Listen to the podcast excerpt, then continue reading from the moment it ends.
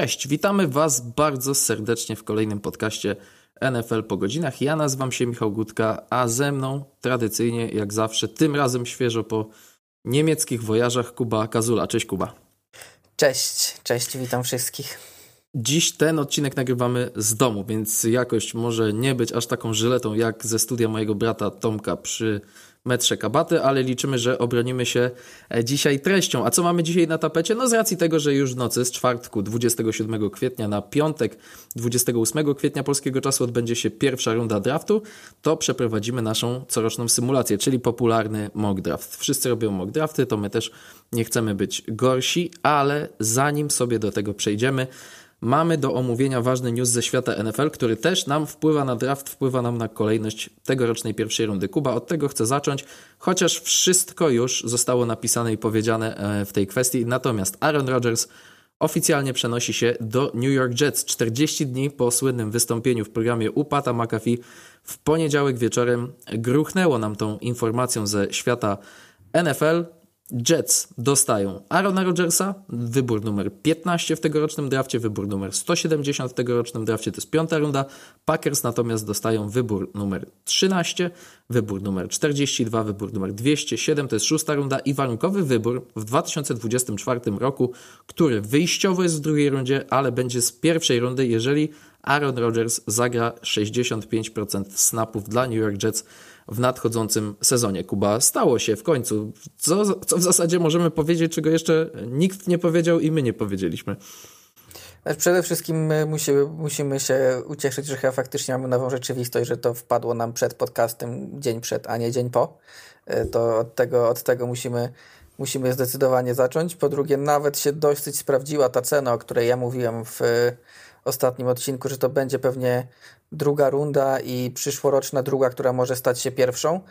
No i oczywiście są tam drobne rzeczy, jakieś dalsze piki, ten jeden, ten, ta podmianka w tym roku z 13 na 15, która nie ma aż takiego wielkiego znaczenia, może mieć dla Packers, gdzieś, się tam przewinęło, że może to być e, szansa Packers na takie zapewnienie sobie Jacksona Smith Jigby, czyli skrzydłowego z Ohio State, bo mogą się obawiać, że będący 14 Patriots mogą być e, JSN-em zainteresowani. Jeśli mówimy o czymś, o czym się nie mówiło, no to na pewno bardzo interesujące są te warunki tej pierwszej rundy przyszłego roku, bo wydawało się, że będzie to zależało na przykład od wyniku Jets albo od tego, czy Aaron Rodgers wróci na drugi sezon do Jets. Tymczasem tutaj mamy 65% snapów, czyli no to bardzo jest prosta meczów, mniej więcej. Tak, ba bardzo prosta sprawa. Jeśli Aaron Rodgers będzie zdrowy, no to Packers dostaną pierwszą rundę. To nie ma innego y, nie ma innego wyboru, bo na pewno te 65% zagra i może wtedy. Wydaje mi się, że może od razu z góry powiedział też Jets, że, y, że wróci na drugi sezon, że oni byli w, ten, w stanie w ten sposób w ten sposób ten, ten deal skonstruować. No ale to jest właśnie bardzo dobra opcja dla Packers, że jeśli by się nagle okazało, że Aaronowi coś tam przyjdzie do głowy, a wiemy, że lubią mu różne rzeczy przychodzić do głowy i po jednym sezonie e, skończy karierę, to oni i tak raczej tę pierwszą rundę dostaną. No właśnie, 65% snapów e, tak na sucho. Nic nie jest uzależnione od wyników Jets, nic nie jest uzależnione od gry Arona Rodgersa. Też to, o czym mówisz, czyli ten teoretycznie plan dwuletni, E, Jets y, chyba rzeczywiście przebija się jako, jako coś, co zostało dogadane, bo też słyszymy, że zrestrukturyzowana to może złe słowo, ale poprzerzucano pieniądze w tej umowie Arona Rodgersa, żeby stworzyć więcej miejsca w salary cap e, na ten sezon. Oni te 58 milionów dolarów musieli przytulić, ale tak zostało to skonstruowane, że 44 około z tych milionów zostały uwolnione, więc Jets chyba rzeczywiście nastawiają się na to, żeby jeszcze obudować w pewien sposób Arona Rodgersa i właśnie o to Cię chcę zapytać, czego w takim razie, skoro ten transfer jest już dokonany, wiemy na jakich warunkach, będzie jeszcze Jets brakowało, żeby bić się o najwyższe e, cele z Aaronem Rodgersem? No przede wszystkim e, wydaje mi się, że linia ofensywna jest tutaj kluczem, bo oni w tej linii mają naprawdę spore problemy. Wrócił ich center, który miał mieć, ponoć Jets myśleli, że E, że tutaj, e, że tutaj ich center dostanie gdzieś większe pieniądze w ogóle, co wydawało się niemożliwe. McGovern, jeśli dobrze pamiętam, się nazywa. Tak. E, I okazało się, że nie dostał nigdzie pieniędzy, więc wraca do Jets. To jest na pewno dobra informacja, bo przez dłuższą chwilę tego centra w zasadzie w drużynie nie mieli, ale to nadal jest linia ofensywna, w której tak na dobrą sprawę jakim jedynym zawodnikiem na pewnym wysokim poziomie jest Elijah Verataker, a pozostałe cztery miejsca spokojnie można wzmocnić e, i Wydaje mi się, że tutaj muszą w to iść. Oczywiście fajnie, jeśli Mekaj Beckton wraca, jeśli faktycznie schudł, jest w takiej bardziej sportowej formie, że może być szansa, że znowu na zdrowiu nie podupadnie i nadal będzie dobrym taklem, to bardzo fajnie, jeśli to, to się sprawdzi dla Jets, ale no to jest na ten moment nic pewnego, Jets chcąc iść all-in za Ronem Rodgersem nie mogą się w tej chwili bawić e, w znaki, w znaki zapytania, więc e, myślę, że w drafcie ten 15 pik, a nawet jeśli nie 15, to, to gdzieś dalej, to to musi być linia ofensywna dla Jets, bo wszystko inne zdaje się być mniej lub bardziej na miejscu. Co prawda wyskoczyła mi lista ich skrzydłowych i tak stwierdziłem, że po oddaniu Elijah Mura, to tak poza tym Garettem Wilsonem wielkiego szału to tam nie ma. Mhm. I oczywiście jest Allen Lazard, ale to jest, który na pewno pomoże Rodgersowi i pomoże drużynie zaadaptować się do tego, co robi Rodgers, ale to jest taka no solidna dwójka, trójka, a Mm, a nie jakiś e, game changer, więc możliwe, że w tych jeszcze, jeśli chodzi o paskaczerów, tutaj bym Tutaj bym e, w przypadku Jets atakował. Na pewno linia ofensywna w pierwszej kolejności, w drugiej kolejności być może też Titan, bo. E, Ale to wszystko to są prezenty dla Arona Rodgersa. Prezenty dla Arona, czas... więc no, na pewno Jets liczą, że będą w stanie powtórzyć obronę z ubiegłego roku. To, to na pewno, bo ta obrona była jedną z najlepszych w lidze. Oczywiście wiemy, że trudne jest powtarzanie obrony z roku na rok ale akurat y, w przypadku Jets jest to o tyle, o tyle dla nich dobre, że ich największe gwiazdy w obronie, ich najważniejsi zawodnicy w obronie to są wszystko młodzi zawodnicy, więc jeśli już to prędzej się rozwiną niż, niż spadną z poziomu, jak Sos Gardner, jak Queenan Williams, jak DJ Reed, tam nie ma takich, y, nie była to obrona zbudowana na weteranach, więc tu jest szansa, że się to wszystko utrzymano, a w resztę co jest, czyli draft, trzeba zainwestować w zabawki dla Rona Rodgersa. Trochę im popsuli sprawę Ravens, bo wydawało się, że OBJ już tam w zasadzie jest jedną nogą w Nowym Jorku z powrotem, a ostatecznie wychodzi na to, że trzeba będzie tu jeszcze poszukać. Dlatego wydaje mi się, że pierwsze piki Jets będą szły właśnie w tę stronę, czyli linia ofensywna Titan skrzydłowy pewnie w tej kolejności, chociaż to oczywiście wszystko też zależy, jak się jak się ułoży tablica, bo może się na przykład okazać, że ten, że ten 15 pik, e, że na przykład z 14 Patriots wezmą ostatniego wysoko notowanego takla e, w, w, w, tej pierwszej części draftu i może się okazać, że dla Jets to będzie świetny moment na wybranie jakiegoś najlepszego Titanda na przykład. E, mhm. Wcale niewykluczone. Zresztą zaraz będziemy mieli mock draft, będziemy sobie patrzeć jak się ta tablica układa, bo E, może być z tym bardzo, bardzo różnie. W każdym razie, no tak jak, tak jak mówimy, że trzeba, trzeba wzmacniać Arona.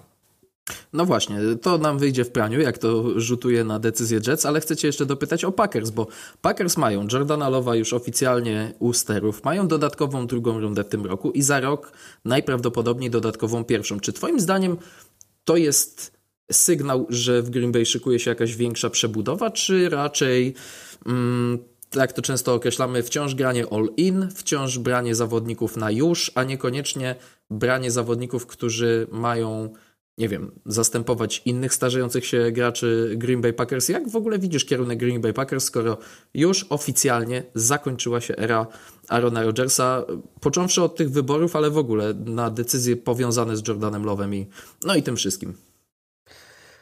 Znaczy, to wydaje mi się, że tu będzie takie często powtarzane e, w Stanach, jeśli chodzi o, o drużyny, że to nie będzie rebuild, tylko reload trochę, że będą się starali. E, no to nie będzie przebudowa, nie zobaczymy nagle Packers oddających swoich weteranów i bazujących na młodych zawodnikach, ale jednocześnie też nie będą pewnie ściągać weteranów, a mając te piki od Jets i Y, solidną pozycję w drafcie, raczej będą szukać y, graczy, którzy długofalowo będą z Jordanem Lovem grać w tej drużynie. Tak jak w tamtym roku, no możliwe, że całkiem dobrze już zaczęli od, od Christiana Watsona i od Romeo Dawsa, więc bardzo możliwe, że w tym roku będą szli podobną ścieżką. Może, tak, jak mów, tak jak powiedziałem, no są plotki, że ten przeskok przez Patriot, przed Patriot miał oznaczać, że oni chcą tam sobie zapewnić prawo do być może pierwszego skrzydłowego z tablicy. A dodatkowo u nich też jest chociażby potrzeba Titandów.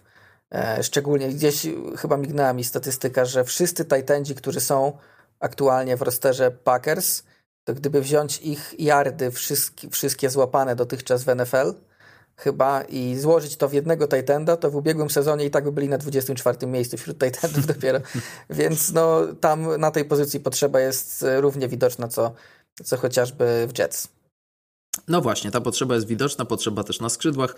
Myślę, że e, zawodnicy z tych pozycji będą mnie za chwilę interesować, bo w mock drafcie mam e, właśnie wybory nieparzyste, czyli chociażby Green Bay Packers, ale e, jestem o tyle zaciekawiony tym ruchem, że zupełnie nie spodziewałem się, że tam dojdzie do takiej zamiany tych pierwszorundowych wyborów. To jest pewnie detal, ale z perspektywy Jets trochę zaskakuje mnie dobrowolne przeskoczenie za plecy Patriots, czyli rywala z dywizji, e, bo raczej podtrzymywaliśmy taką teorię, że pierwsze rundowe wybory z tego sezonu są nie do ruszenia, no ale w takim układzie to w zasadzie jest kosmetyka. No tak, szczególnie, że to, szczególnie to dziwi, że e, chyba, że Jets mają jakieś jakąś informację z wewnątrz e, Patriots, bo wydaje się, że taka główna potrzeba jednych i drugich jest taka sama, czyli właśnie offensive tackle. I tak jak powiedziałem, ja jako fan Patriots martwiłem się, że mm, Jets y, z tej pierwszej fali offensive tackle wezmą tego ostatniego tuż przed Patriots, a teraz Jets przeskakując do, tyłu, do tyłu mogą się martwić o to samo, jeśli chodzi o, o Patriots właśnie, więc y, ostatecznie może się okazać, że to w ogóle nie ma żadnego znaczenia, że któraś albo jedna, albo druga drużyna w ogóle pójdzie w innym kierunku w pierwszej rundzie.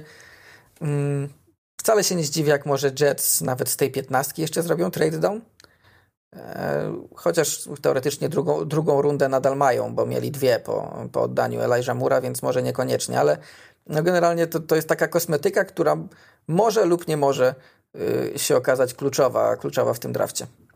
Na pewno wiemy jedno. Aaron Rodgers opuszcza Green Bay Packers i ta era Aarona Rodgersa się tam zamyka. Rozpoczyna się nowa. Będę ja, szczególnie jako kibic drużyny z NFC Nord, przeciekawy tego, jak Packers będą się prezentować. Pierwszy raz E, przynajmniej na ten moment możemy tak mówić, ale pierwszy raz od 30 lat nie mają Hall of Famera jako rozgrywającego. Jeżeli Jordan Love będzie trzecim z rzędu Hall of Famerem, to chyba sobie znajdę drużynę z innej dywizji do kibicowania, ale na ten moment Packers zaczynają z zupełnie czystą kartą na pozycji rozgrywającego. Najwyższy czas, żebyśmy zobaczyli Jordana Love'a na boiskach NFL. E, dużym znakiem zapytania na pewno będą Bay Packers przed przyszłym sezonem i w ogóle mam wrażenie, że tych znaków zapytania w NFC North będzie bardzo, bardzo dużo, że to jest może nie najlepsza, ale jedna z najciekawszych dywizji w NFL. Na pewno zaczyna się też era e, Aarona Rodgersa w Nowym Jorku. Zobaczymy, ile ona potrwa. Wiemy też, że Aaron Rodgers dostał zezwolenie od Joe Neymata, żeby grać z numerem 12, tym legendarnym numerem 12 i e, dla Joe Neymata i dla Aarona Rodgersa, ale nie skorzystał z tej propozycji. Aaron Rodgers będzie grał z numerem 8, to jest numer, z którym występował już w, na uczelni w Kalifornii. Ja jednak tłumaczę sobie tak, że to jest inspiracja potężnym Kirkiem Kaznicem. tak, inspiracja Kirkiem Kaznicem na pewno dziwne to będzie, bo zazwyczaj nawet jeśli tacy zawodnicy zmieniają drużynę, to numeru nie zmieniają i to, i to mówimy tutaj o wielu dyscyplinach, nie tylko o futbolu amerykańskim. Tak, no, tak Peyton Manning nie zmieniał numeru, pamiętam. Tak, no i tak jakbyś, wyobraź sobie teraz, że Tom Brady idzie do Bucks i bierze coś, i bierze jakiś inny numer niż 12. No to jest taki, mhm. to jest dziwne, dziwne trochę i dziwnie będzie oglądać Rodgersa w tym numerze, no ale zobaczymy. Może akurat ta, ta ósemka będzie dla niego szczęśliwa.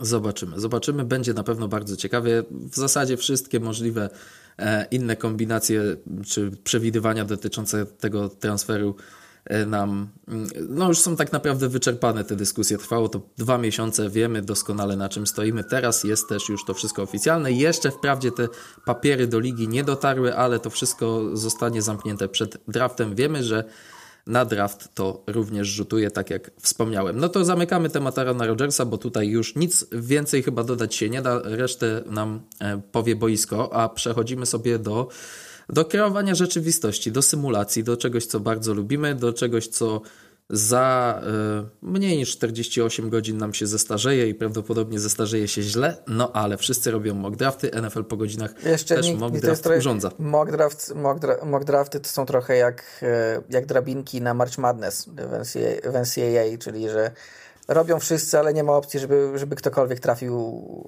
każdy możliwy pik, szczególnie, że nigdy nie przewidzisz, jakie będą wymiany chociażby. Tak, no e, to od razu powiedzmy, my w naszym mockdrafcie e, wymian nie zakładamy. One oczywiście będą w rzeczywistości.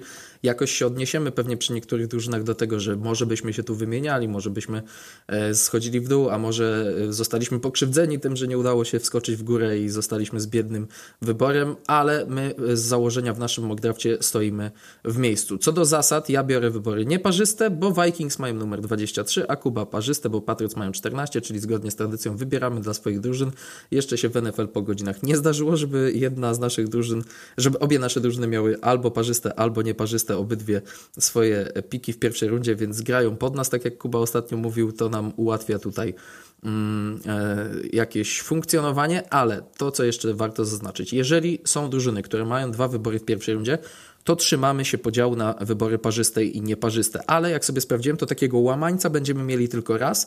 Seattle Seahawks mają wybory numer 5 i numer 20, więc pierwszy będzie należał do mnie, drugi do Kuby. Mamy Lions z podwójnymi wyborami. Oba są parzyste. 6-18, tak. Texans mają obydwa parzyste.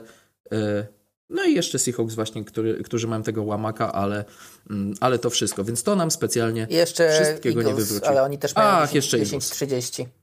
Jeszcze Eagles, jak mogłem zgadza. zapomnieć? Jak mogłem zapomnieć, że wicemistrzowie NFL wybierają w tym roku w top 10. No to widzisz, będziesz miał w zasadzie trzy z czterech drużyn będą w Twoich rękach, jeśli chodzi o taką pełną mm, dwu, e, dwuczęściową mm, selekcję w tym naszym symulatorze. Także e, Tyle jeśli chodzi o wstęp do tego mock draftu. Chyba więcej zasad nie mamy do założenia. Korzystamy ze strony PFF, tam jest e, mock draft. I ja już sobie ten e, mock draft odpaliłem, jest wszystko przygotowane, no to, mm, to zaczynamy. Jestem na zegarze. Numer jeden należy do Carolina Panthers. Carolina Panthers są na zegarze i ja e, specjalnie tu nie będę przedłużał. Po prostu wybiorę Bryce'a Younga. Dla mnie to jest wybór, który nie tylko jest logiczny, nie tylko przebija się mm, z ostatnich tygodni takie taki konsensus, że to będzie ten wybór, ale też wydaje mi się, że wybór, który pozwoli Carolina Panthers szybko poprawić swój poziom. W ogóle jestem zdania, że jeżeli ten draft im się uda, a Price Young to jest bardzo dobry początek, to Carolina Panthers są nawet w stanie wygrać swoją dywizję w przyszłym sezonie, bo też podobają mi się niektóre ich e, ruchy w trakcie tego off-season. No szczególnie sztab szkoleniowy. E, bardzo, bardzo fajny, zebrany w Carolinie, co po okresie Matarule na pewno kibicom się, się spodoba. Jeśli chodzi o Bryce'a Younga, to faktycznie wszystko na to wskazuje. Na początku po wymianie Panthers wydawało się, że będzie to CJ Stroud. Mi też tak się wydawało. E, myślałem, że Frank Reich jednak nie złamie swojej, e, swoich zasad co do rozmiarów rozgrywającego, ale najwyraźniej wygląda na to, że dla, dla Bryce'a Younga, dla Bryce'a Younga to, to zrobi. Chociaż e... wiesz co, spotkałem się z taką teorią, że te rozmiary rozgrywających Franka Reicha to trochę był taki mit, a może taka leniwa, leniwy wniosek, no bo jakich miał do wyboru małych rozgrywających. To nie było tak, że brał tych dużych, wielkich chłopów kosztem takich Bryce'ów Youngów tego świata. E, i że teraz będą jednak patrzeć na talent, a nie na metrykę i stąd, e, stąd Bracing. Będzie na pewno okazja, żeby takie wybory już w rzeczywistości sobie bardziej analizować, tutaj bardziej uzasadniamy, więc żeby nie stać długo w miejscu, dwójka należy do Ciebie, to są Houston Texans. Jestem przeciekawy, to jest też istotne, dodajmy, nie konsultowaliśmy w żaden sposób tego, co kto z nas zrobi przy konkretnych wyborach, więc e, Kuba, zaskocz mnie. Tak, no przede wszystkim musimy powiedzieć, że te nasze piki będą trochę tak e, uzasadniane bardzo różnie. Raz pewnie będziemy to robić e, na tej zasadzie, że co myślimy, że dana drużyna zrobi, a, a w innym razem co byśmy robi, zrobili na ich miejscu, bo to są bardzo tak. często e, bardzo często dwie, dwie kompletnie różne rzeczy. Dodam jeszcze tylko, że nagle dzisiaj z takich ciekawostek zaczął strasznie spadać kurs na Willa Levisa z numerem jeden, po czym się okazało, że to wszystko ze względu na jakiegoś, jakiegoś człowieka na Reddicie, który e, próbuje, który wszystkich zapewnia, że on zna Willa Levisa i on opowiada wszystkim swoim znajomym, że Panthers go wybierają z jedynką. Więc e, jak, jak widzicie, bardzo niewiele trzeba, żeby, żeby za, e, trochę zamieszać na rynku bukmacherskim w Stanach. Nie zawsze trzeba się sugerować kursami, bo tutaj faktycznie wydaje się, że no, ten Bryce to był taki moment, że kompletnie nie wiedzieliśmy już od pierwszego piku, co się wydarzy. Teraz raczej konsensus jest taki, że jest Bryce, a potem mhm. się robi ciekawie. No, no i właśnie, właśnie, właśnie się, się robi ciekawie. ciekawie. Ja na miejscu Texans prawdopodobnie wybrałbym rozgrywającego, ale tych głosów na temat tego, że Texans chcą iść w innym kierunku, zaczęło się pojawiać tak dużo i to od, od dziennikarzy, którzy zazwyczaj, e, że tak powiem, nie zajmują się plotkami, a konkretnymi newsami, że zaczynam myśleć, że to faktycznie będzie, że to faktycznie będzie, yy, będzie co innego. Lance Cirlane jako pierwszy to, jako pierwszy to powiedział, że nie tylko, nie tylko Texans nie wezmą rozgrywającego, ale też wezmą Tyree Wilsona ponad Willem Andersonem. -hmm. Co też byłoby szokiem, i to też się zaczęło potem powtarzać. To ja tu zrobię trochę pół na pół, bo jeśli tak się powtarza, to ok. Wierzę w to, że Texas nie wezmą, zaczynam wierzyć w to, że Texas nie wezmą rozgrywającego, że może to jest taki plan, że no w takim razie będziemy beznadziejni jeszcze przez rok, a za rok jest Caleb Williams albo coś takiego. E, chociaż jeśli Dymiko Ryan się okaże dobrym head coachem, to, tak, to trudno będzie o, o pierwszy albo, albo drugi pik, tak jak, tak jak w tym roku, ale zrobię pół na pół, czyli uwierzę w to, że nie wezmą rozgrywającego, ale zrobię coś, co zrobiłbym ja, nie biorąc rozgrywającego, czyli wezmę nie Tyree Wilsona, Willa Andersona po prostu, czyli najlepszego nierozgrywającego E, którego mam w tej chwili na bordzie. Proszę bardzo, zaznaczamy Willa Andersona, dwóch zawodników z Alabamy z numerami 1-2, Bryce Young i Will Anderson. To też dodam, to nam, dodam rusza, tylko... to nam porusza całe domino. Tak, to nam porusza domino, dodam tylko, że zaczęło się trochę mówić o, o Willu Andersonie, właśnie tak jakby, że in, może kogoś innego przed nim i wydaje mi się, że to zaczyna być taki E, taki, taki przypadek, że po prostu za długo już wiemy o Willu Andersonie jako o topowym piku drafcie, bo on od kilku lat jest na, na taki przewidywany, że zaczynamy kombinować bez sensu, a, a, mhm. a Will Anderson po prostu będzie e, edge rusherem na lata i prawdopodobnie pro bowlerem i być może all pro kilkukrotnym, jeśli się rozwinie tak jak, taki jak ma potencjał. W, gdyby tak było w rzeczywistości, jak ułożyła się czołówka naszego draftu, czyli Bryce Young z jedynką, Will Anderson z drugą, to ja z trójką mam Arizona Cardinals i w tym momencie urywa mi się telefon na milion procent. W rzeczywistości przy takim układzie wierzę w to, że z numerem 3 poszedłby rozgrywający. Gdzieś do kogoś po jakiejś wymianie. Nie wyobrażam sobie, żeby w tym momencie Arizona Cardinals pozostali na swoim miejscu, natomiast w naszym mock drafcie wymian nie zakładamy.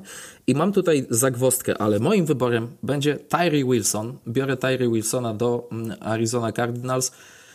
Wydaje mi się, że to jest zawodnik, który może do nich trafić z jakimś niższym wyborem, zejdą niżej i wciąż mogą mieć Tyree Wilsona. Nie wiem, czy jako nowy generalny menedżer i nowy head coach e, Monty Osenford i Jonathan Gannon wybiorą Jalena Cartera, który ma przy sobie jakieś czerwone flagi, jakieś znaki zapytania, więc idę w ten, tak w cudzysłowie, bezpieczniejszy wybór. Tyree Wilson, tak jak mówię, wierzę jednak, że tu idzie rozgrywający przy takim E, rozkładzie jazdy. Czwóreczka to jest Twój wybór, to są Indianapolis Colts i to są Indianapolis Colts, którzy w tym momencie e, tupią z nogi na nogę, zachwyceni tym, jak to się ułożyło.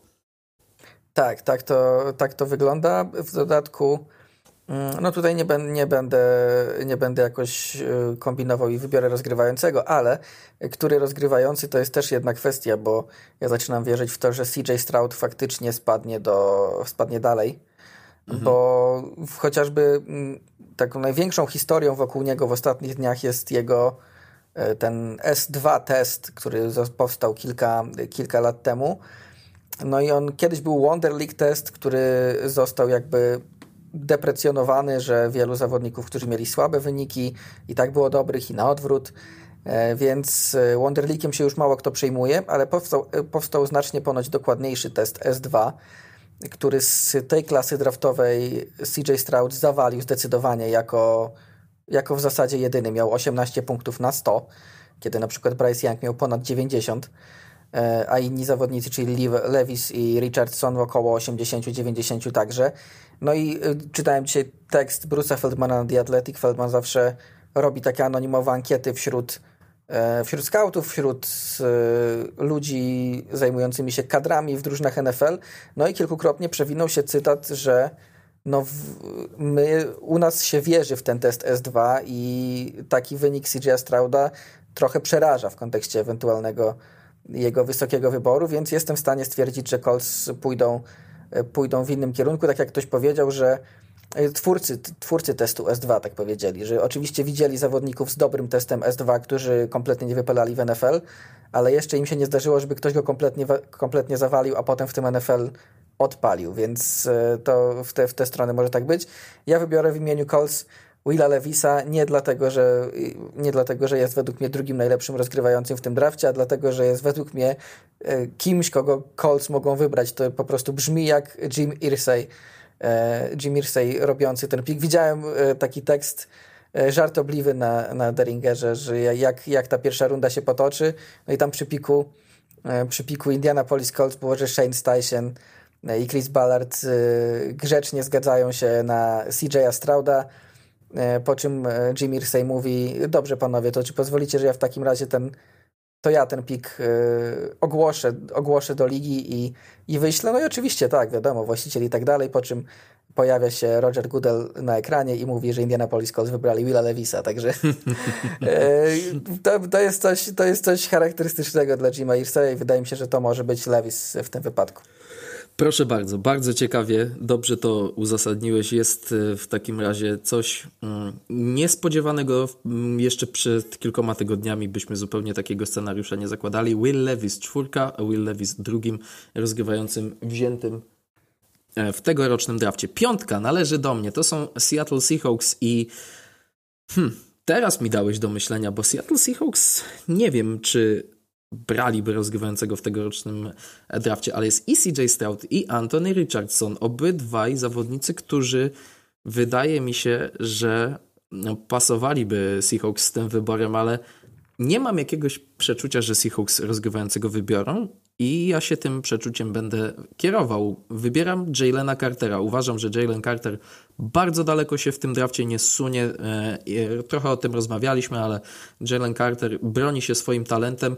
A Pete Carroll lubi dobrze presujących defensywnych liniowych, którzy potrafią wywierać presję na rozgrywających. To jest y, zawodnik, wokół którego można zbudować całą defensywę, jeżeli okaże się, że problemy z charakterem jednak Jalena Cartera w NFL już nie dotyczą, więc y, Seahawks będą wzmacniać, e, będą wzmacniać, myślę, z tym wyborem defensywę, ale przy takim scenariuszu jestem mm, lekko się waham, o tak powiem. I dlatego nie jestem do końca przekonany, że przy takim scenariuszu nie wzięliby rozgrywającego, ale będę się tego trzymał. Jalen Carter to jest mój wybór numer 5 do Seattle Seahawks. Z szóstką na zegarze są e, Detroit Lions i to jest twój wybór.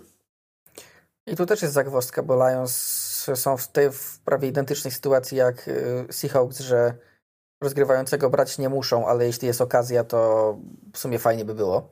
Mhm. E, więc e, Jestem ciekaw, czy na przykład wzięliby tutaj Strauda, ewentualnie Richardsona, szczególnie, że Richardson też szykuje się na takiego rozgrywającego, który będzie musiał chwilę posiedzieć się pouczyć.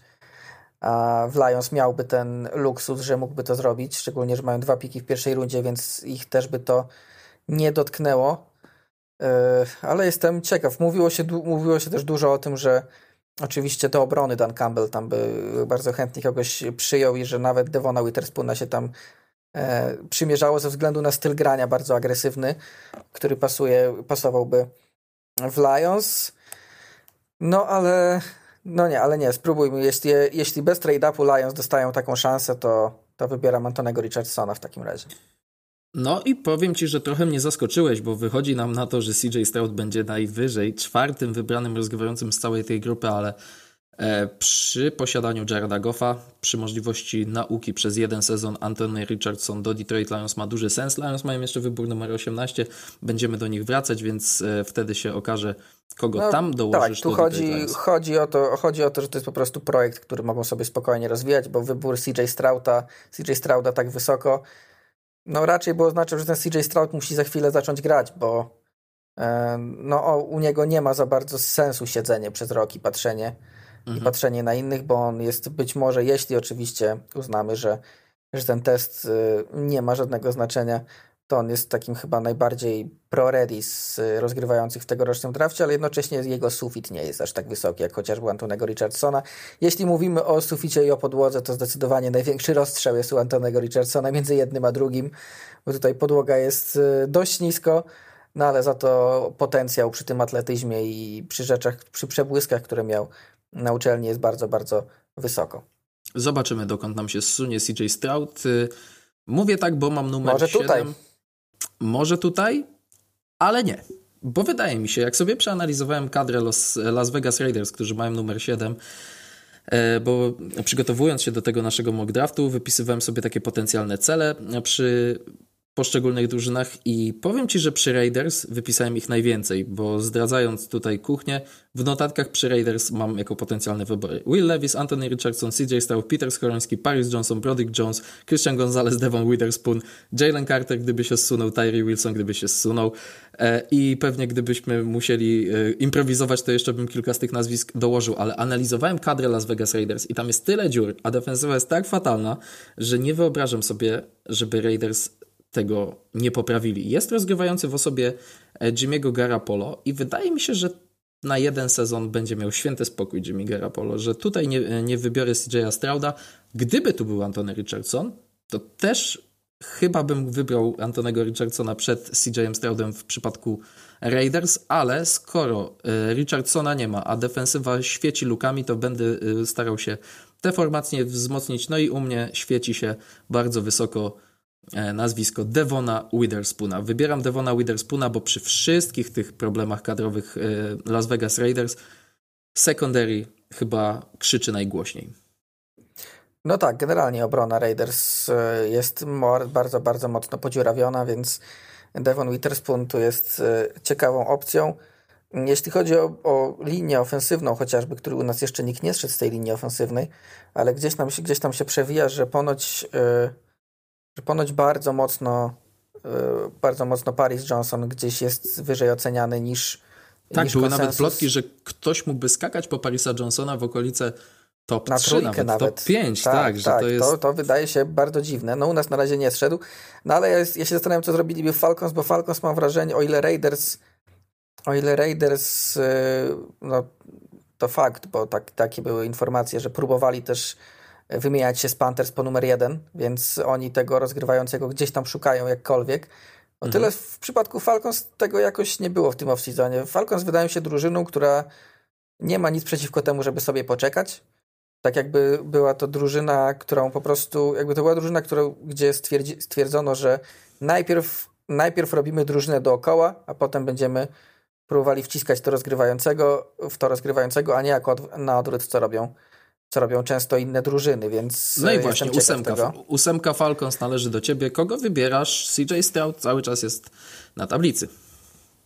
No to mnie właśnie mocno zastanawia, bo może nie robią jakichś drastycznych ruchów, ale gdyby po prostu ten CJ Stroud wpadł im w ręce, tak bez, bez konieczności dodawania czegokolwiek od siebie, no to w sumie czemu nie, bo no i wydaje mi się, że wybiorę tego CJ Strauda. Wydaje mi się, że tak, tak to może wyglądać, że Falcons yy, nie robią tego za wszelką cenę w tym drafcie, ale jeśli, kto, ale jeśli ktoś w ten sposób wpadnie im w ręce, to, to mogą to wykorzystać.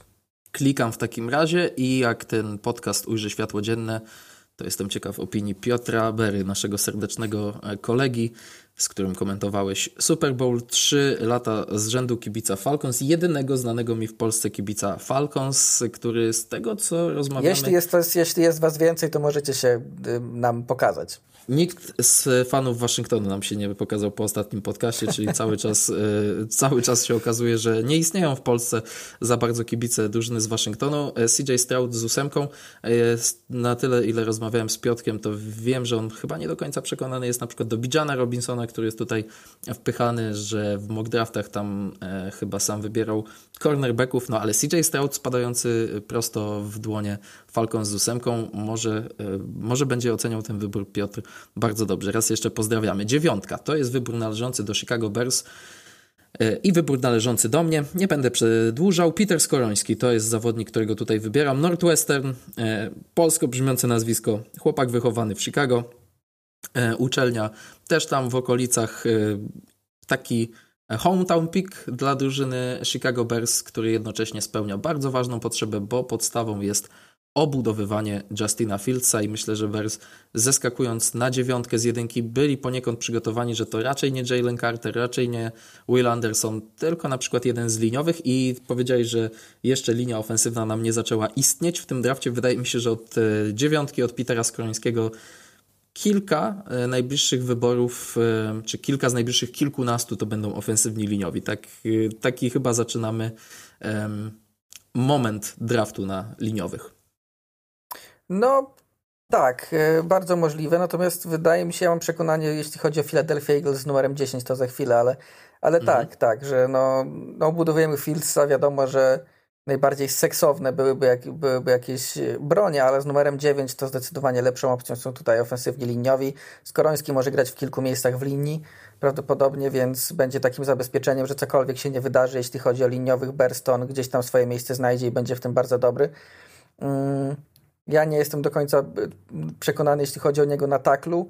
W sensie wygląda, to na, wygląda mi to na zawodnika, który będzie solidny na taklu, ale jako guard może być All Pro, czyli to jest taki Zach Martin i Joe Tooney. Y, oni mhm. obaj spokojnie mogliby grać na taklu i grali kilkukrotnie, jak była taka potrzeba, no ale jednak to na gardzie są na takim najwyższym, najwyższym możliwym poziomie i ze Skorońskim może być bardzo podobnie. Natomiast jeśli chodzi o Eagles, tak, tutaj się bo dziesiątka, o... jesteśmy przy tak. dziesiątce, to twój wybór.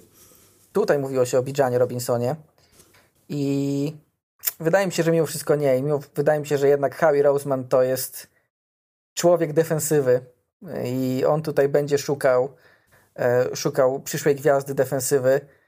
A co więcej, w naszym moku spada moim zdaniem najlepszy cornerback w tym drafcie i być może obok Willa Andersona najpewniejszy pik co do tego, czy wypali, czy nie, czyli Christian Gonzalez. Mamy w Eagles dwóch cornerbacków na wysokim poziomie, którzy jednak obaj mają już ponad 30 lat, więc to jest, to jest moment na to, żeby szukać zastępstwa i wydaje mi się, że Christian Gonzalez, że może nie jest to jakby preferowana pozycja Howiego Rosemana, że może bardziej linię by chciał, ale jeśli spadnie mu w ręce taki Gonzalez, no to to jest szansa, której, której nie odda.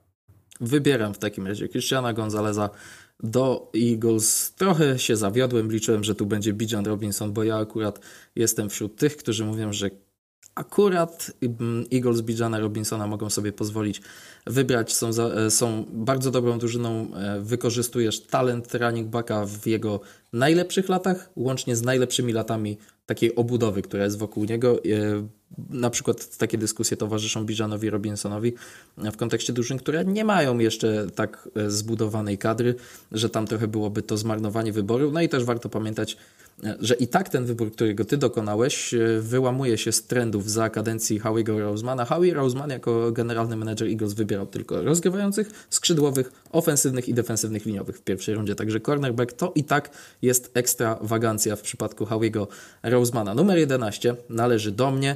To y, są Tennessee Titans i tutaj mm, o ile kusi mnie Hendon Hooker, nie będę tego ukrywał, bo wydaje mi się, że ja myślę, jest... ja myślę, że, że Titans y, mogą być drużyną, która skoczy po spadających rozgrywających.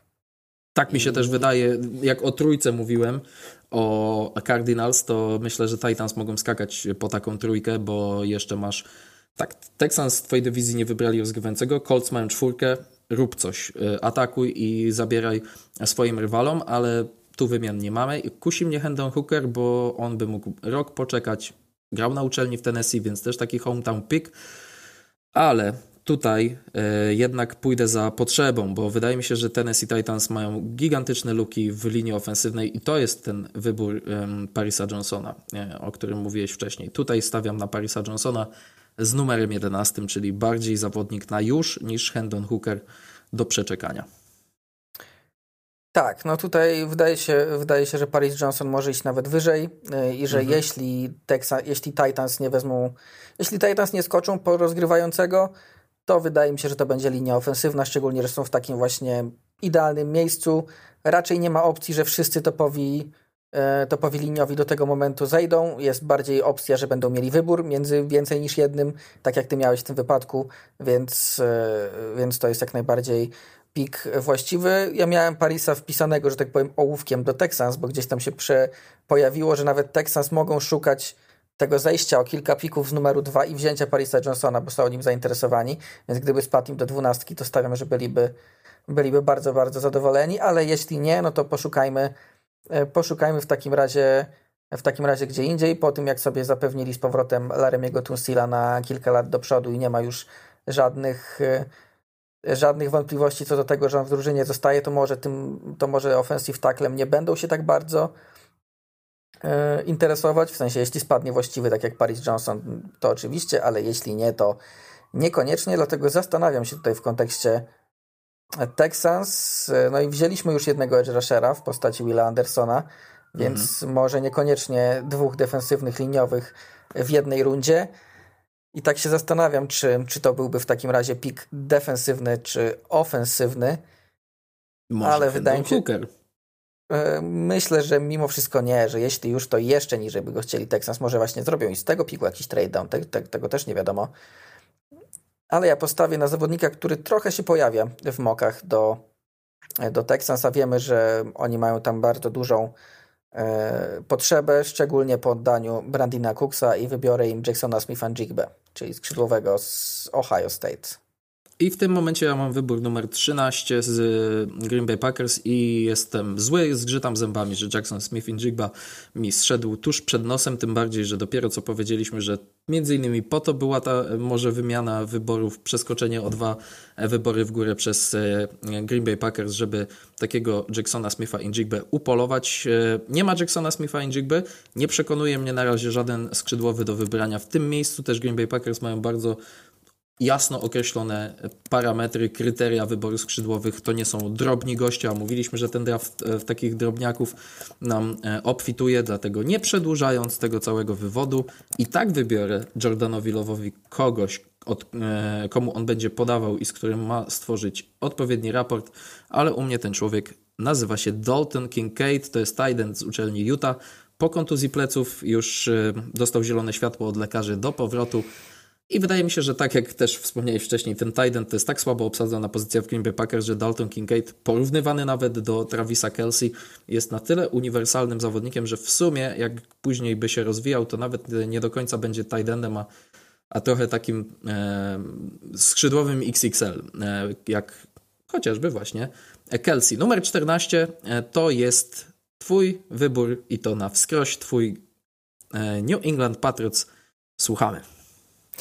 Jeśli chodzi jeszcze o, o Kincaida, to tak, to zresztą jeden, tak jak ktoś powiedział, on jest zdecydowanie najsłabiej blokującym z tych Titanów, którzy mogą iść w pierwszej rundzie, ale w The Athletic Football Show Nate Tice i Dan Brugler, czyli zajmujący się draftem dziennikarze, zasugerowali, że no to jest patrzenie na takiej zasadzie nie, czy on wszystko robi dobrze, tylko kto ma ten co najmniej jeden, co najmniej jedną elitarną cechę i i Kincaid może nie być dobrym blokującym, ale jest elitarnym łapiącym.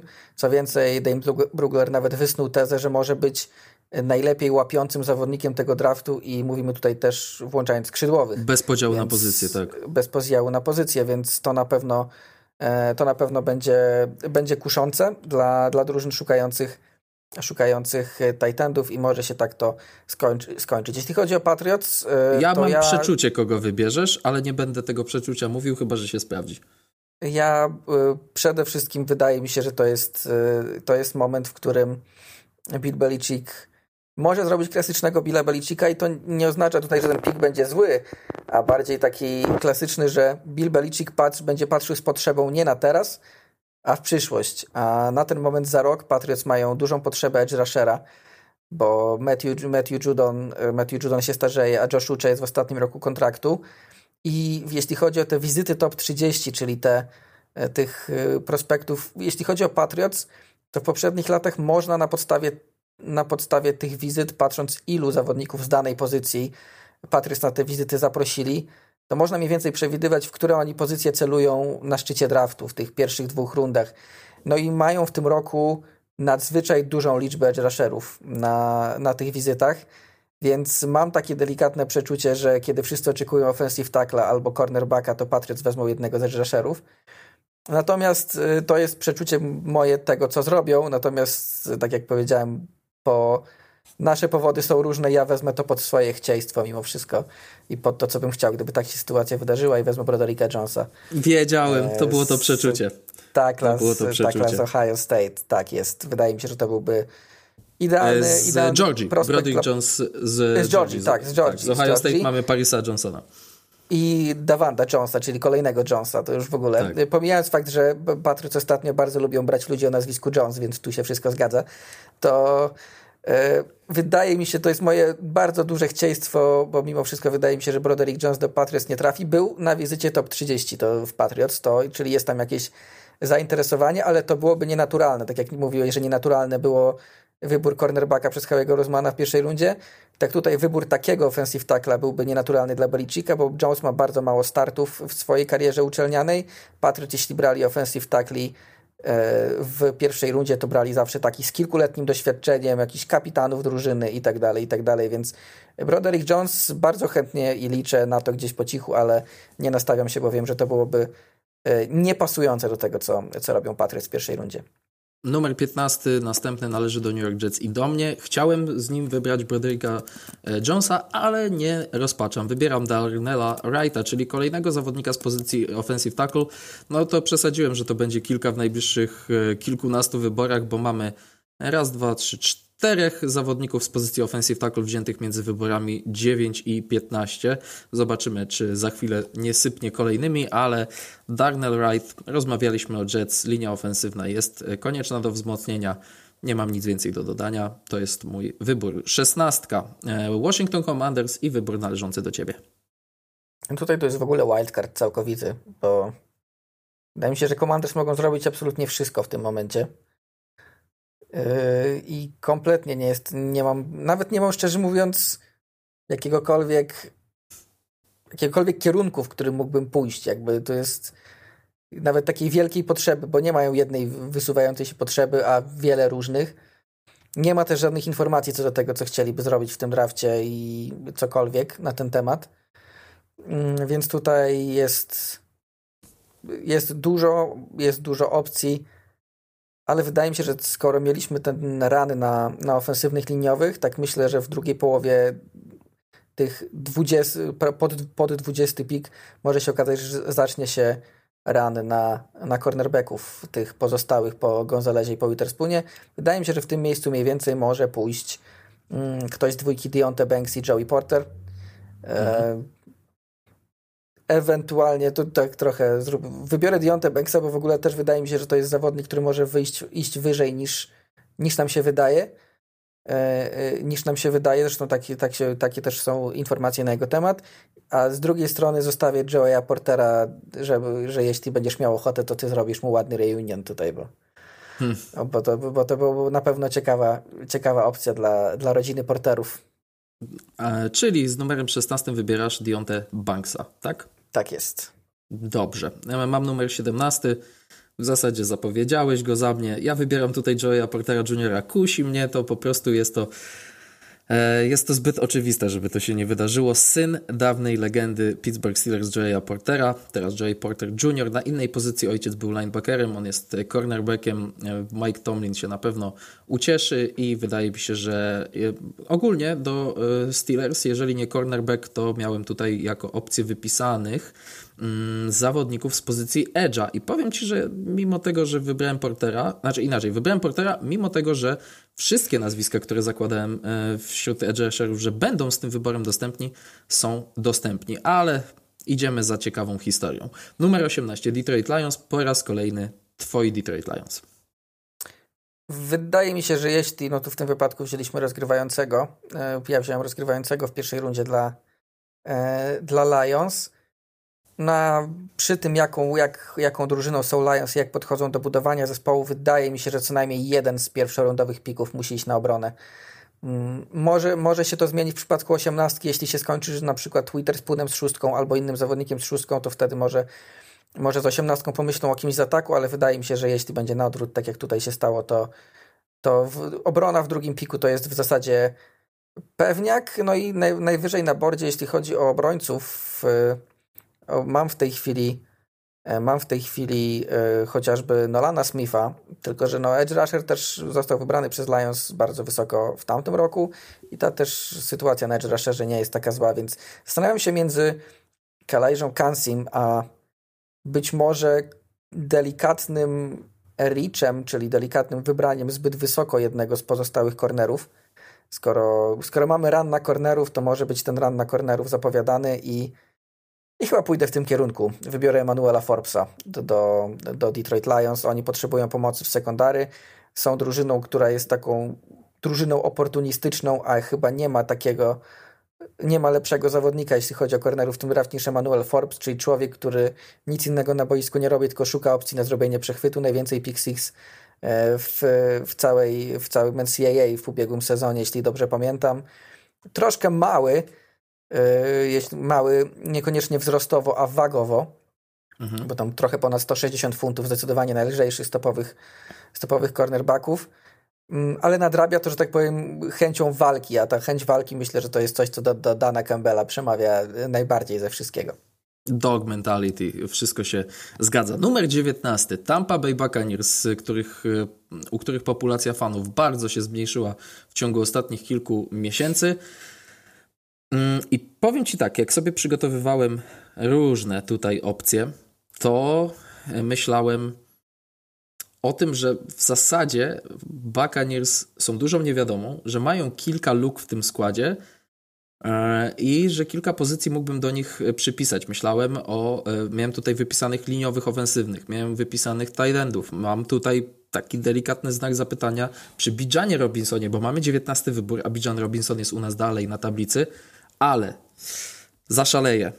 Hendon Hooker tutaj do Tampa Bay Buccaneers. Baker Mayfield przez jeden sezon rywalizuje z Kylem Traskiem, wygrywa tę rywalizację, potem okazuje się, że jest tylko Bakerem Mayfieldem. Hendon Hooker leczy kolano i przed rozpoczęciem przyszłego sezonu mamy raporty z Tampa Bay, że Hendon Hooker albo jest ich człowiekiem, albo rozpoczyna otwartą rywalizację z Bakerem Mayfieldem o miano rozgrywającego numer jeden.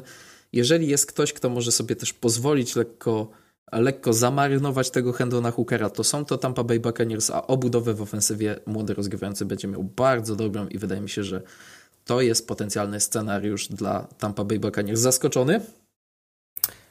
Yy, trochę tak, w sensie wydaje mi się, że może się okazać, że ten Hendon Hooker gdzieś tam pójdzie w końcówce pierwszej rundy. No Bucks faktycznie są drużyną, która może też zrobić wszystko i trudno cokolwiek tu zrobić. No odchodziło od nich zawodników, niektórych sami zwolnili, generalnie wchodzą w pełną, w, te, w pełną przebudowę. Jeśli się wchodzi w pełną przebudowę, no to w drafcie można się bawić jak się, jak się komu podoba, tak na dobrą sprawę, więc i jednocześnie by mnie to zdziwiło, a z drugiej strony to w sumie nie. Więc e, tak i z jednej strony byłbym zdziwiony hookerem tak wysoko, a z drugiej strony Bucks faktycznie, faktycznie mogą w tym drafcie zrobić, zrobić wszystko i są kolejną tych dzikich kart po, po Commanders, gdzie tak na dobrą sprawę nawet nie wiadomo, w którą oni stronę się kierują i co by chcieli zrobić i i, i cokolwiek innego, bo, bo różnie z tym może być. Ja mam Seahawks. Tak, i na zegarze jest numer 20 i ja wybrałem z piątką Jalena Cartera defensywnego liniowego, więc możesz skupić się na innych potrzebach Seattle Seahawks. Zastanawia mnie to właśnie, czy e, jakby to było, jeśli faktycznie będzie Jalen Carter, Jalen Carter z piątką, czy może będą chcieli E, jakiś atak, e, kogoś, kogoś do ataku, czy może jednak ta, ta obrona w ubiegłym roku była momentami na tyle słaba, no powiedzmy sobie szczerze. Suwają nam się zawodnicy z pozycji edge bo mamy cały czas na tablicy Właśnie o tym Smitha. myślę, tak, właśnie o tym mamy myślę. Mamy Milesa Murphy'ego. I widzę, jeśli jestem e, patrząc na, że tak powiem, historię Seahawks i Pita Karola, jacy zawodnicy pod Pitem Karolem byli najlepsi na tych pozycjach, to z jednej strony myślałem o Nolanie Smithie, ale wydaje mi się, że to może być za mały zawodnik na, na, to, co, na to, co Pete Carroll lubi. I, a Pete Carroll lubi też kupić sobie w drafcie potencjał, a jeśli kupujemy w drafcie potencjał na tej pozycji, to Lucas Van Ness e, z Iowa, czyli zawodnik, który wcale nie miał zbyt dużej produkcji na, na uczelni, ale, mm, ale patrząc na to, jaki ma potencjał i jak skauci się nie wypowiadają, to może być Taki, taka dzika karta nawet do tego, żeby pójść trochę wyżej. Tutaj nie, widziałem nawet moki, w których on w pierwszej dziesiątce gdzieś tam na koniec szedł na przykład z numerem dziesiątym do, do Eagles, ale ostatecznie nam się raszerzy zsuwają i myślę, że w takim razie kilku tu nam w tej końcówce pierwszej rundy pójdzie. Lucas Van Ness w takim razie jego klikam do Seattle Seahawks. Normalnie w drafcie byłby teraz wybór Miami Dolphins, ale ten wybór Miami Dolphins stracili, a więc numer 21 należy w tym momencie do Los Angeles Chargers i to jest y, wybór, który należy do mnie i w zasadzie wszystko, co mm, chciałem w przypadku Chargers, mam, na, mam w menu, więc mam pełen wybór i waham się w zasadzie tylko między dwoma zawodnikami. Obydwaj to są zawodnicy, którzy mieliby pomóc Justinowi Herbertowi. Wiem, że ta defensywa wymaga, mm, wymaga pomocy, ale trochę nam pouciekało cornerbacków, więc nie będę patrzył w tym kierunku linebackerów i defensywnych liniowych. Może ewentualnie defensywny liniowy by mi tutaj chodził po głowie, ale jednak cały czas miejmy w pamięci, że to jest drużyna Justina Herberta. Mm, wybiorę Jordana Addisona. Wybiorę skrzydłowego Jordana Addisona, mm, ponieważ wydaje mi się, że to jest profil skrzydłowego, którego może akurat w tej ofensywie brakować. Bardzo szybki zawodnik, trochę filigranowy, ale taki rozciągający boisko jest Keenan Allen, jest Mike Williams, którzy mają zupełnie inną charakterystykę. Wrzucasz Jordana Addisona, a tym drugim zawodnikiem, e, którego tutaj brałem pod uwagę, był Michael Mayer, tight end, ale mm, na tight endów pewnie jeszcze przyjdzie pora. Zostało nam 10 wyborów do końca tego mock draftu i myślę, że kilku tu jeszcze zobaczymy, ale Jordan Addison kosztem Mayera w moim mock drafcie trafia do Los Angeles Chargers. E, numer 22 to ty i to Baltimore Ravens. No, ci się, cieszą. Ilu edge rusherów im pospadało? To specjalizacja. No właśnie, właśnie, właśnie, o tym, właśnie o tym pomyślałem. Oczywiście wydaje mi się, że jeśli chodzi o skrzydło, to Ravens też by chcieli tutaj popatrzeć na, na skrzydłowych. Natomiast wydaje mi się, że ten podpisanie Odela Beckhama Juniora trochę im to na razie łata i spojrzą, spojrzą na inne swoje potrzeby i tak jak powiedziałeś o edge rusherach, no to wydaje mi się, że Nolan Smith to byłby bardzo Ravensowy pik, biorąc pod uwagę, jaką, jakie, jakie testy atletyczne, jakim atletą jest i dlatego też wybieram im Nolana Smitha. Jak najbardziej zrozumiały jest to wybór. I teraz y, moi Vikings, numer 23. I też jestem w, w miarę zadowolony z tego, co widzimy. Generalnie zacznę od tego. Normalnie trade down.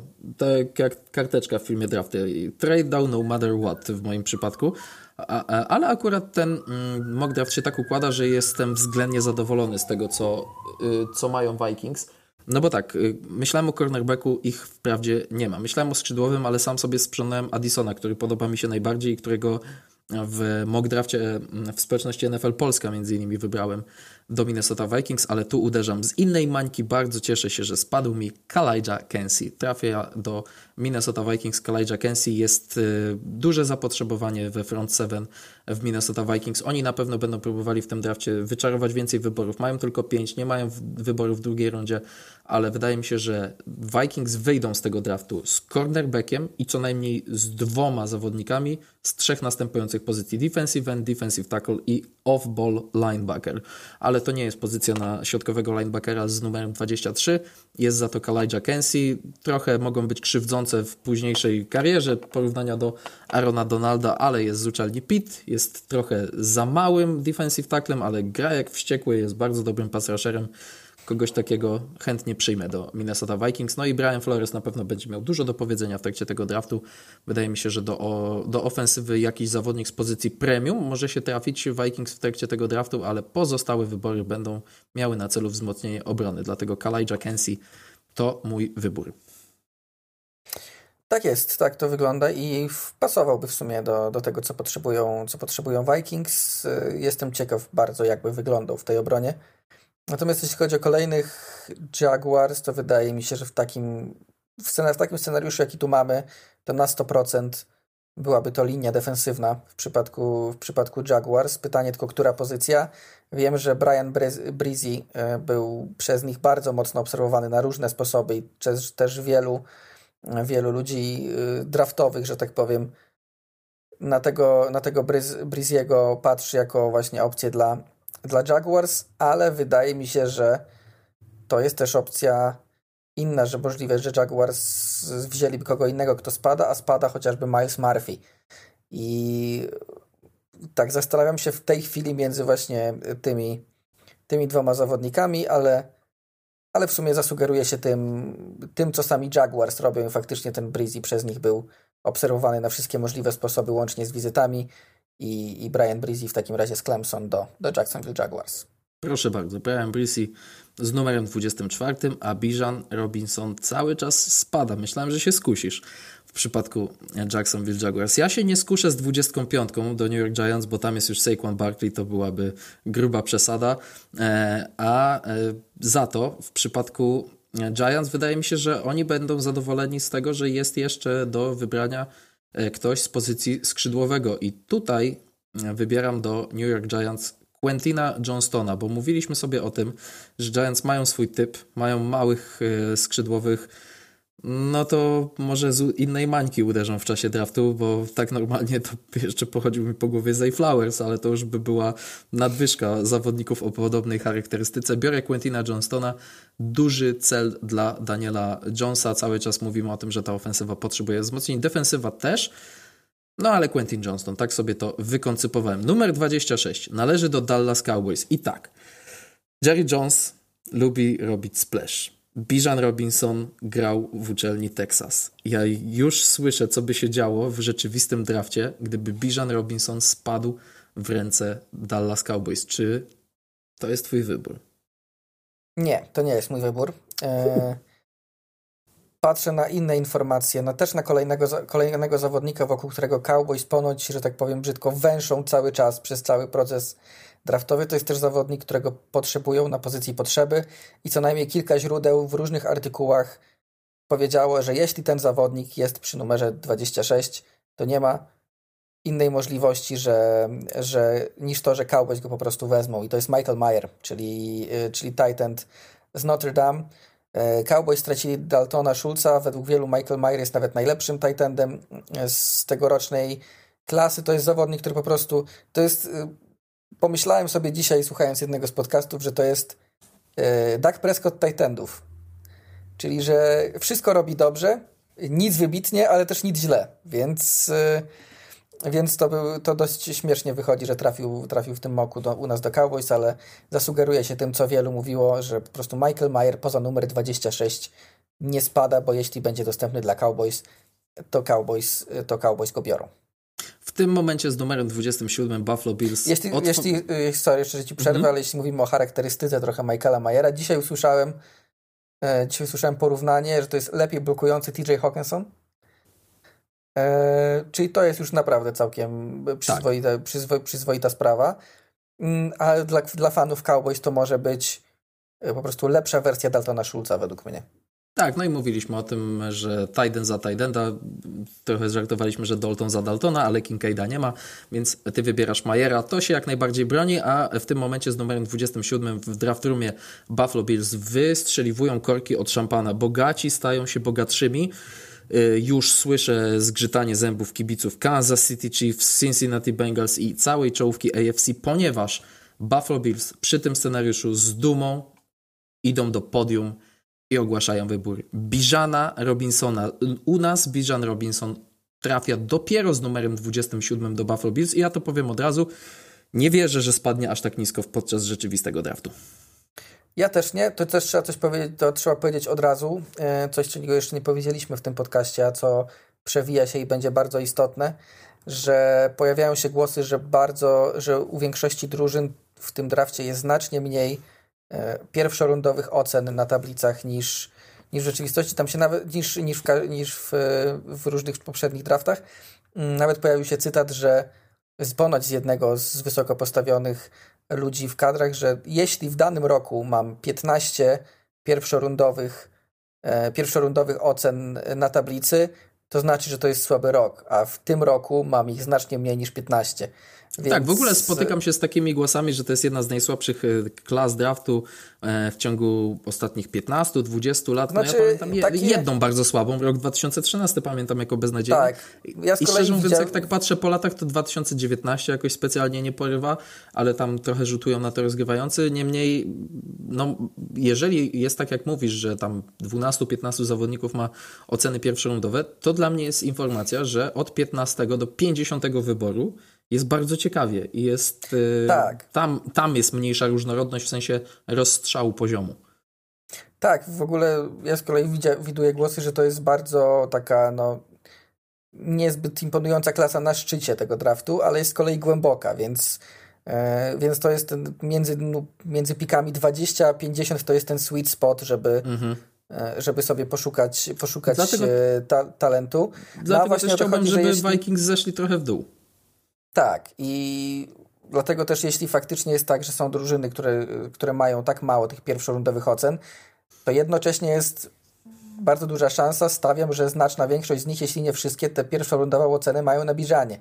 Więc mhm. w pewnym momencie ktoś spojrzy na swoją tablicę i zobaczy, że z pierwszorundowych ocen ma tylko Biżana i będzie się musiał zastanawiać, czy ja chcę wziąć running backa w pierwszej rundzie, czy mieć to gdzieś i wziąć po prostu najlepszego zawodnika, czyli właśnie jego, czy jednak zwrócić uwagę na, na wartość pozycyjną. Do tego też mi się wydaje, że Bijan pójdzie wyżej i plus mogę sobie tutaj zażartować z własnej drużyny, że jeśli to jest rok, w którym w którym wszyscy mają powiedzmy 13, 14 pierwszorundowych ocen na zawodnikach, to Bill Belichick ma 6. Jestem ciekawy, co on z tym zrobi.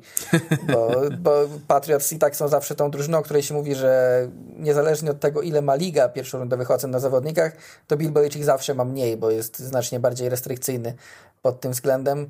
Więc tradycyjny trade down w przypadku Patriots też jak najbardziej wchodzi w grę i ja w sumie nawet nie miałbym nic przeciwko.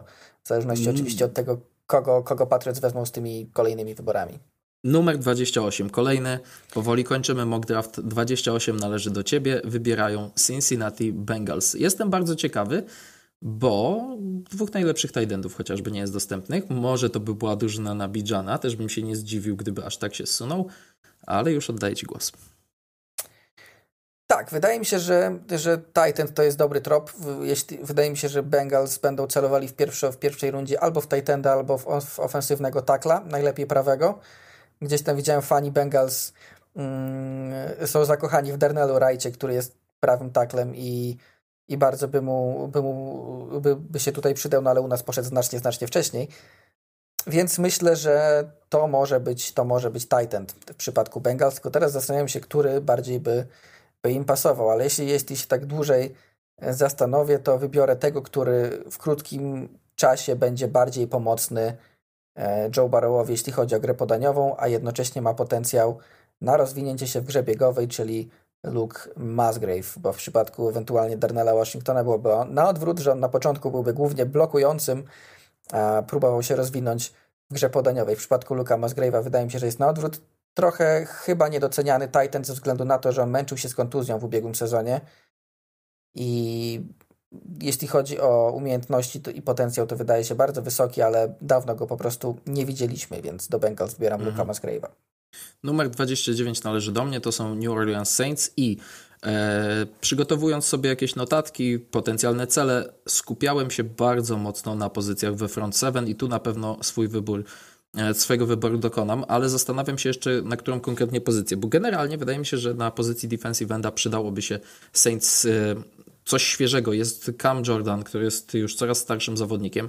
E, wybrany dwa lata temu w pierwszej rundzie draftu został Peyton Turner, ale poza nim e, Jabari Zuniga, Carl Granderson, Tanok Pasanion to są nazwiska na pozycjach edge rusherów, ale środek linii defensywnej jeszcze gorzej wygląda. Starterami w tym momencie Colin Saunders i Nathan Shepard według serwisu Our Lads i wydaje mi się, że mm, mimo tego, że zsuwają się naprawdę ciekawi wciąż e, gracze z pozycji edge rushera, Hmm.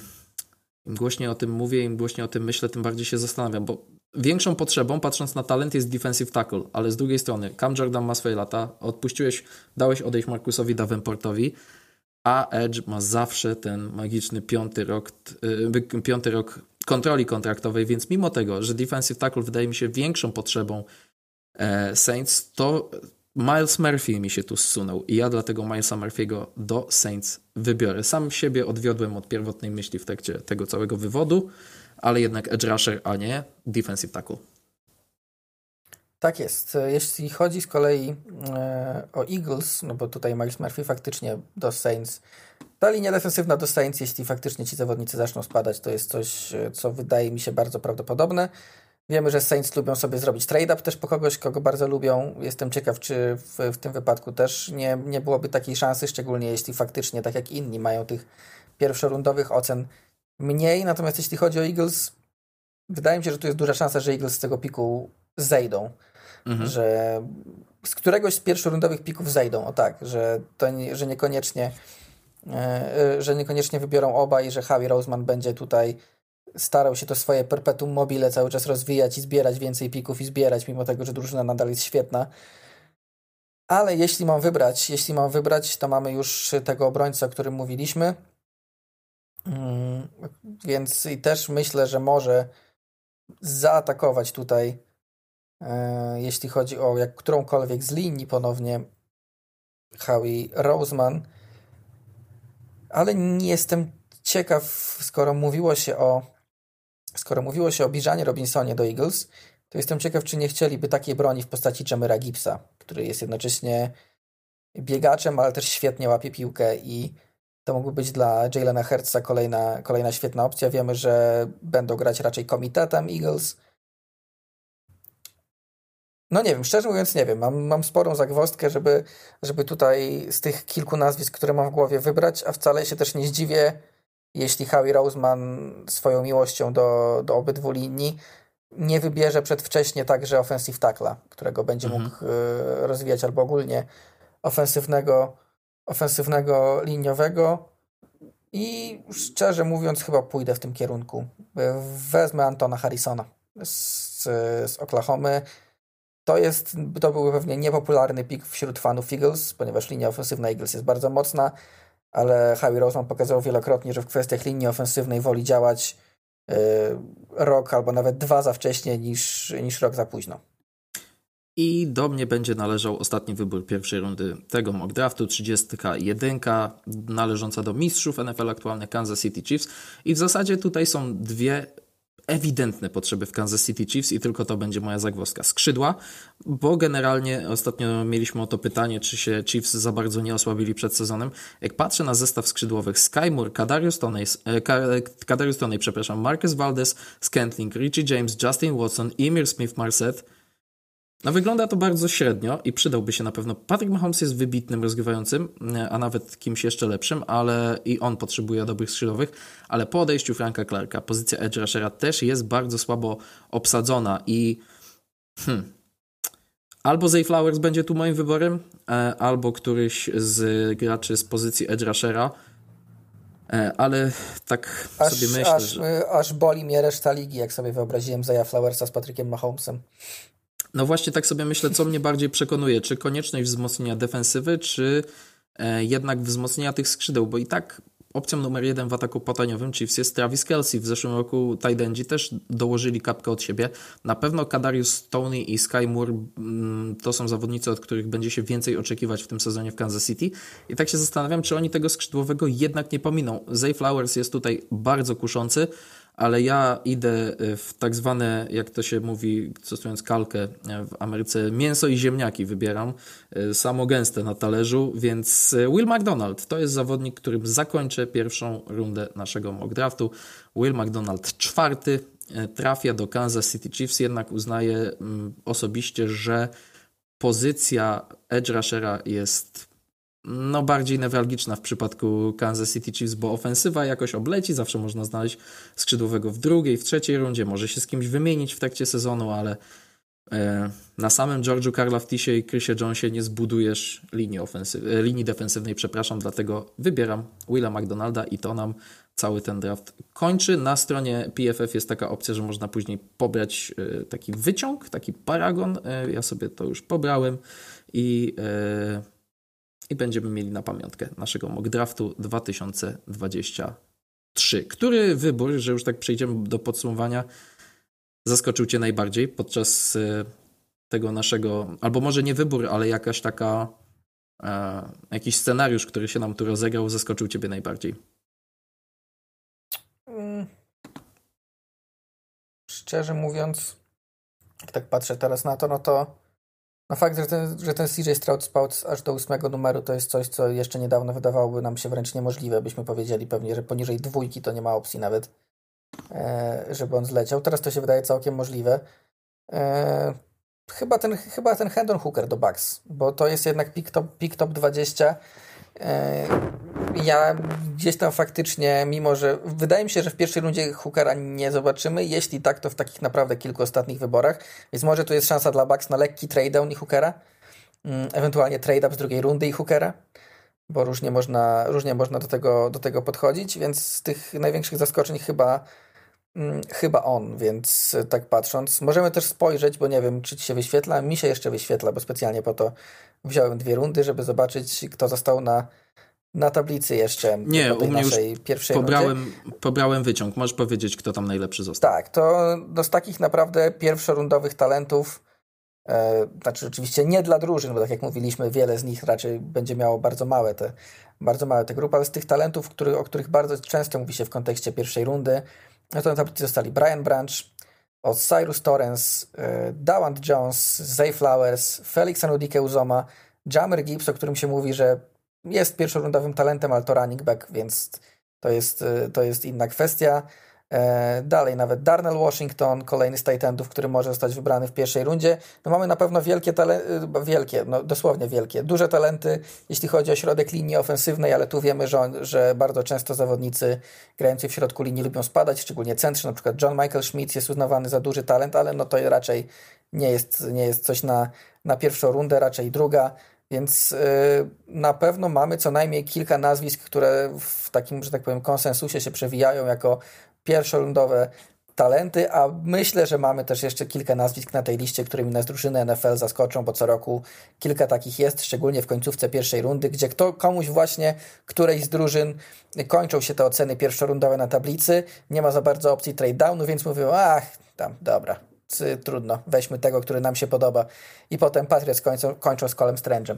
Więc y, tak, tak to wygląda. I rok temu E, Cowboys z Tylerem Smithem, a trzeba przyznać, że ten pik na razie bardzo, bardzo e, się broni, jeśli chodzi o Dallas. Także e, te zaskoczenia nie zawsze są negatywne. W przypadku Patriots Cole Strange ostatecznie jak na razie jest od solidnym, solidnym gardem, więc ewentualnie wartości pozycyjne jak najbardziej można się czepiać, bo jednak gard w pierwszej rundzie to zawsze, zawsze, zawsze, zawsze coś innego, trochę jak running back, ale, ale ostatecznie też wyszło, dlatego Y, możemy Wam życzyć, żeby Wasze drużyny, jeśli Was zaskakiwały, to tylko pozytywnie i tak. żeby to się ostatecznie okazywało dobrymi wyborami. Tak, no mnie zaskoczyło to, co, o czym wspomniałem wcześniej. Nie sądzę, że Dobra, jedną rzecz, okay, jedną tak rzecz mogę powiedzieć, jedną rzecz mhm. mogę powiedzieć, jeśli chodzi o zaskoczenie. To, że mamy w, w, w całej pierwszej rundzie wybranych trzech skrzydłowych i żaden z nich nie nazywa się Flowers mimo wszystko. Tak, to jest, to jest jakieś zaskoczenie i jeszcze to mnie zaskoczyło, że tak późno zaczęliśmy w sumie pobierać zawodników i z pozycji edge rushera e, i trochę w ogóle z linii defensywnej, że oni się nam trochę bardziej zsunęli niż to, co mi się wydawało, ale taka jest właśnie uroda, taki urok tych naszych mock draftów. E, nie konsultujemy w rzeczywistości się też W rzeczywistości też może się okazać, że któraś pozycja zacznie się nagle zsuwać i... Tak i albo będzie jakiś ran po inną, tak jak w tamtym roku, ci co pamiętają doskonale, mieliśmy e, w, po, po pierwszej dziesiątce mieliśmy atak wszystkich kolejnych drużyn na skrzydłowych, gdzie dosłownie w ciągu pięciu czy sześciu pików chyba czterech skrzydłowych nam poszło i to po trade-upach niektórzy, więc był tam taki moment, że wszyscy zaczęli atakować skrzydła. W tym roku raczej skrzydła nie są aż tak mocne, żeby je atakować, ale są inne pozycje, które będzie można tak atakować, chociażby cornerback, offensive tackle, może tight end, E, w, może troszkę niżej niż rok temu skrzydłowi, ale też niewykluczone. Dlatego no jest, jest kilka tych pozycji, właśnie te pozycje, które wymieniłem, czyli, czyli cornerback, tight end, to są pozycje, które są w tym, w tym drafcie bardzo głębokie, że tak powiem, i spokojnie w drugiej, trzeciej, a może nawet i dalej rundach e, można, można, w, można znaleźć zawodników, którzy będą dość szybko starterami z potencjałem na coś więcej. Z autopsji mogę pocieszyć, że jeżeli dana pozycja zaczyna bardzo szybko schodzić, wiecie, że wasza drużyna kogoś z tej pozycji potrzebuje, a zostaje wam czwarty, piąty, szósty wybór z danej pozycji, to potrafi to wyjść na dobre. Y, jaka to autopsja? Draft 2020, Justin Jefferson, Justin wybór Jefferson, 22. Tak jest po drodze skrzydłowi, wybór wcześniej Jalen Regor skrzydłowy do Philadelphia Eagles, to się ładnie w przypadku Vikings jak, zestarzało. Jak, jak, dobrym, jak dobrym generalnym menadżerem e, musi być Howie Roseman, że odwalił taki pik jak Jalen Regor przed Justinem Jeffersonem, a mimo to dalej uznajemy go za absolutny top, więc po prostu... Tak, a w ogóle efekt domina. Przykład, tak, każdy kiedyś nie trafia, o tak, nawet najlepsi tak. generalni menadżerowie potrafią strzelić babola w pierwszej rundzie. Ale jaki to byłby efekt domina? Miałbyś Justina Jeffersona, pewnie nie wybierałbyś Devonta Smitha, może nie wymieniałbyś się po AJ'a Browna. Vikings to w ogóle teraz by mieli płonący wagonik i nic więcej, bo w tej ofensywie jeszcze e, wszystko opierałoby się pewnie na Kuku i Tilenie, bo pewnie Tilen cały czas byłby w drużynie i tak dalej, i tak dalej, ale to takie historie pisze nam draft, więc dajcie znać, co sądzicie o naszym mock drafcie. Zachęcamy też cały czas do subskrybowania, do obserwowania nas na Spotify i w innych serwisach streamingowych. Zostawcie nam ocenę, jeżeli Wam się podobało. E, jak Wam się nie podobało, to może nie zostawiajcie nam takich jedynek. Chcemy, chcemy wysokich ocen. Tak, jak zupełnie... wam się, tak, oceniajcie, jak, jak Wam się podobało. To jest bardzo, A jak wam się nie podobało, to komentujcie. Tak to działa w internecie. Komentarze tak, są na pewno krytyki. stawiam, że na pewno wielu fanów jest nie do końca zadowolonych z wyborów swoich drużyn w naszym moku, więc możecie nam dać znać. Oczywiście, że tak. problem. Ci, ci, którzy są zadowoleni, również mogą nam dać znać. Ogólnie komentujcie, bo to zawsze fajnie podyskutować, szczególnie, że mamy sezon spekulacji i, i za chwilę jest absolutny pik sezonu spekulacji, czyli właśnie draft. Tak jest. Po drafcie się usłyszymy, żeby sobie wszystko podsumować. Zobaczymy, jak to wyjdzie czasowo, bo y, jest bardzo długa majówka. Jak ktoś zakombinuje, to i 9 dni może siedzieć w domu y, i jakoś sobie to wszystko rozegramy. Draft y, zaczyna się w nocy z czwartku na piątek, potrwa przez trzy noce, więc postaramy się bez zbędnej zwłoki jakoś, może na początku mm, przyszłego tygodnia od razu sobie to wszystko podsumować, ale nam to jeszcze wyjdzie w praniu. Dobiliśmy do 80 minut, jak, nam, jak mi tutaj e, wyskakuje na wykresie, to jest wystarczający czas, żeby ten odcinek zamknąć, zakończyć. Wiemy wszystko, co, e, co związane z Aaronem Rodgersem przenoszącym się do Jets. Mamy też jasność wobec tego, jak potoczyły się 30, jak potoczyło się 31 wyborów pierwszej rundy draftu według naszego autorstwa, to jest Mock Draft 2023 autorstwa NFL po godzinach i żegnamy się, tak jak mówię, słyszymy się po drafcie. Ze mną był Kuba Kazula, dziękuję bardzo. Dziękuję bardzo. Ja nazywam się Michał Gutka. Obserwujcie nas gdzie tylko się da. Zostawcie nam oceny e, i też e, możecie nas polubić na Facebooku. Mamy swój profil NFL po godzinach. Tam o wszystkim też informujemy na bieżąco. Cześć i do usłyszenia.